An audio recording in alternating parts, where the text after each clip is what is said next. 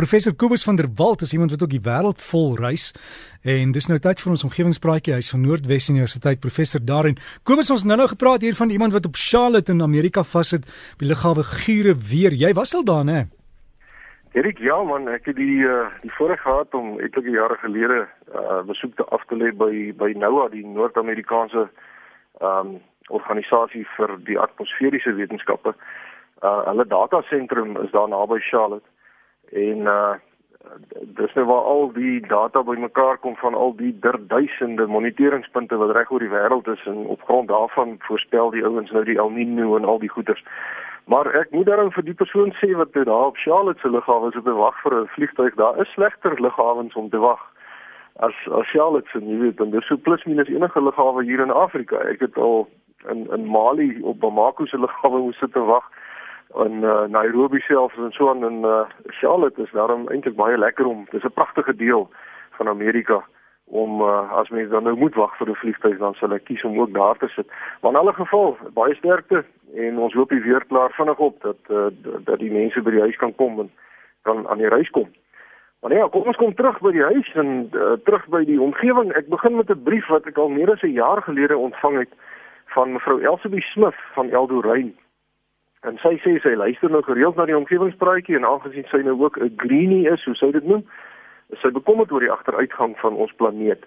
En sy probeer so groen as moontlik leef en hersirkuleer alles wat sy kan. Maar sy het 'n paar vragies oor die hersirkulering van plastiek wat sy nou graag beantwoord wil hê. En eerstens vra mevrou Smith of skuimplastiek of dan polistireen hersirkuleerbaar is. En indien nie, wat moet sy dan nou doen met al die houers en bakkies wat sy nou oor die jare opgegaar het. Sy sê sy hoor dat as mens van afvalbestuur praat, die klem eerstens gelê moet word op hergebruik van van houers byvoorbeeld. En nou wonder sy of daar nie dalk aflaaipunte in winkelsentrums geskep kan word waar mense polistireenhouers kan gaan aflaai sodat ander mense wat dit nou nodig het, dit weer kan gaan oplaai en hergebruik nie. Dan wil sy ook weet of selofaan en kleefplastiek gehersirkuleer kan word en of harde plastieksoorte soos byvoorbeeld bottels en sagte plastiek soos byvoorbeeld plastiek sakkies saam gehersirkuleer kan word en of mense dit liefs apart moet hou. Nou goed, kom ons vat die vraag van 'n kant af. Eerstens die hersirkuleerbaarheid van polistireen. Nou polistireen word gemaak van nafta, 'n byproduk van die raffinering van petroleum. Nou dit verg 50% minder energie om te maak as byvoorbeeld 'n kartonhouer wat nou met plastiek bedek is wat uh, mense gebruik om voedsel in te verpak.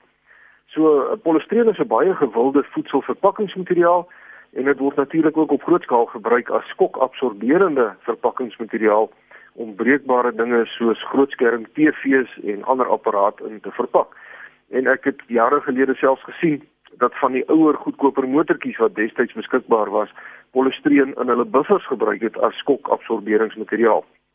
Nou in die eerste plek is dit uiters belangrik dat mense moet voorkom dat polistireen in die omgewing beland want as dit verbrokkel dan loop dit mettertyd met ons riviere af tot in die see waar organismes dan die wit korreltjies vir voedsel aansien en dit dan eet en dan doodgaan daarvan en as die dooie vis of die dooie seevoël se liggaam dan nou vergaan dan word die polistireenballetjies opnuut vrygestel sodat dit weer deur 'n volgende organisme geëet word wat ook dan doodgaan en so gaan dit aan.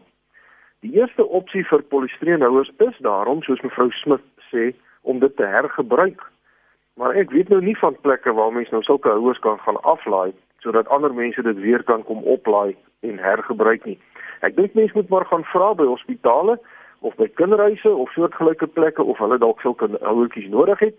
En ek weet byvoorbeeld ons kerk het 'n sopkombuis waar sulke houers wel hergebruik word. So soek maar net 'n bietjie rond daar in u omgewing, ek is seker u sal regkom. As 'n polistireenhouer egter nou gehawend raak met verloop van tyd of die ding breek, dan is dit wel moontlik om polistireen te hersirkuleer want dit kan maklik in fabrieke in nuwe vorms gegiet word. Hier in ons woonbuurt plaas ons die polistireenhouers bloot saam met al die ander hersirkuleerbare items in ons deurskynende sakke en die hersirkuleringsmaatskappy sorteer dit dan en stuur die polistireen weg vir hersirkulering. Natuurlik moet 'n mens dan nou net sorg dat alle houers skoon is en nie vol voedselreste of ander gemors nie, want anders kan dit nou nie gehersirkuleer word nie. Nou as dit dan mettertyd vir 'n maatskappy onmoontlik is om die polistireen verder te hersirkuleer as dit nou al 'n paar keer gebruik is, dan kan die energie in die skynplastiek gebruik word om elektrisiteit op te wek. Die ironie is daar is meer energie in plastiek as in steenkool. Maar in ons land verbrand ons nou elke dag duisende tonne steenkool om elektrisiteit op te wek terwyl ons die waardevolle plastiek weggooi en begrawe. Een enkele plastiek skingbord het genoeg latente energie om 'n 60 watt gloeilamp vir 1 en 'n half uur te laat brand as dit in 'n eh, moderne verbrander verbrand word soos wat mense nou in Europa of in Asië kry. Maar met enkele uitsonderings is ons denke oor afvalherwinning hier in Suid-Afrika nog nie so gevorder soos die res van die wêreld nie. En ek dink dit is iets wat met groot aandag deur die politici wat ons verlede week verkies het, ondersoek behoort te word.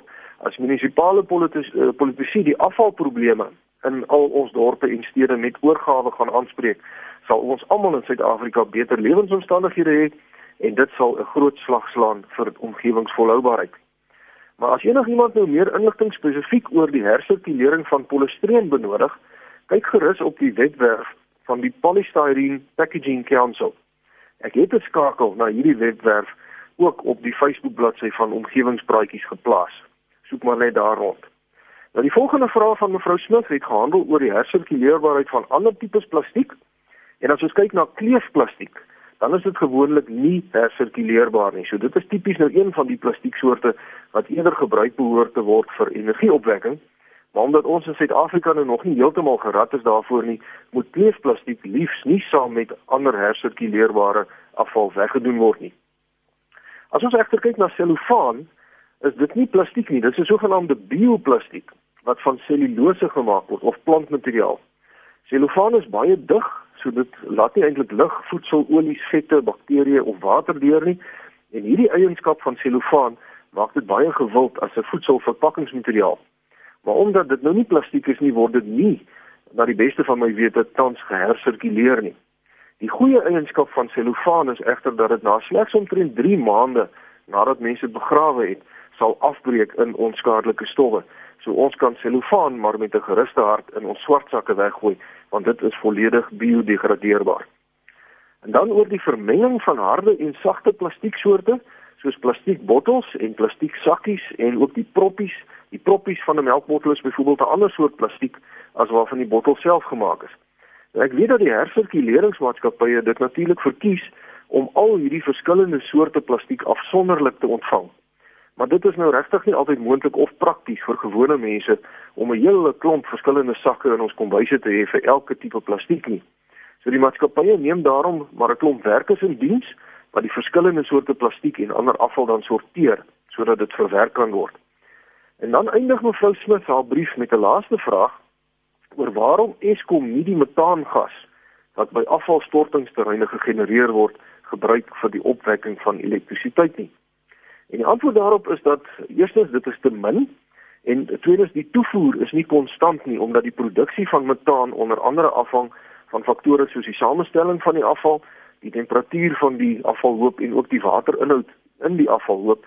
So by die meeste afvalterreine word metaangas bloot afgetap en verbrand sodat dit nou nie in die atmosfeer beland nie want dit is 'n baie slegte kweekhuisgas. Maar dit is ongelukkig nie geskik vir grootskaalse opwekking van elektrisiteit nie. Baie dankie aan mevrou Elsabie Smit van Eldorein vir al u vrae en ek hoop regtig dat al ons omgewingsvriende teen hierdie tyd nou al hersirkuleer. Ehm um, want dit is maklik om te doen en die voordele vir ons omgewing is groot. En as daar nou nie hersirkuleringsmaatskappye in u omgewing is nie, begin sommer self een en betrek 'n skool of 'n ander gemeenskapsorganisasie om u daarmee te help. Ehm um, en daarmee moet ek afsluit vir oggend Derek. Ons omgewingsvriende kan gerus vir my skryf. My e-posadres is kobus.vanderwalt@nwu.ac.za of hulle kan maar net kyk na omgewingspraatjies se Facebook bladsy.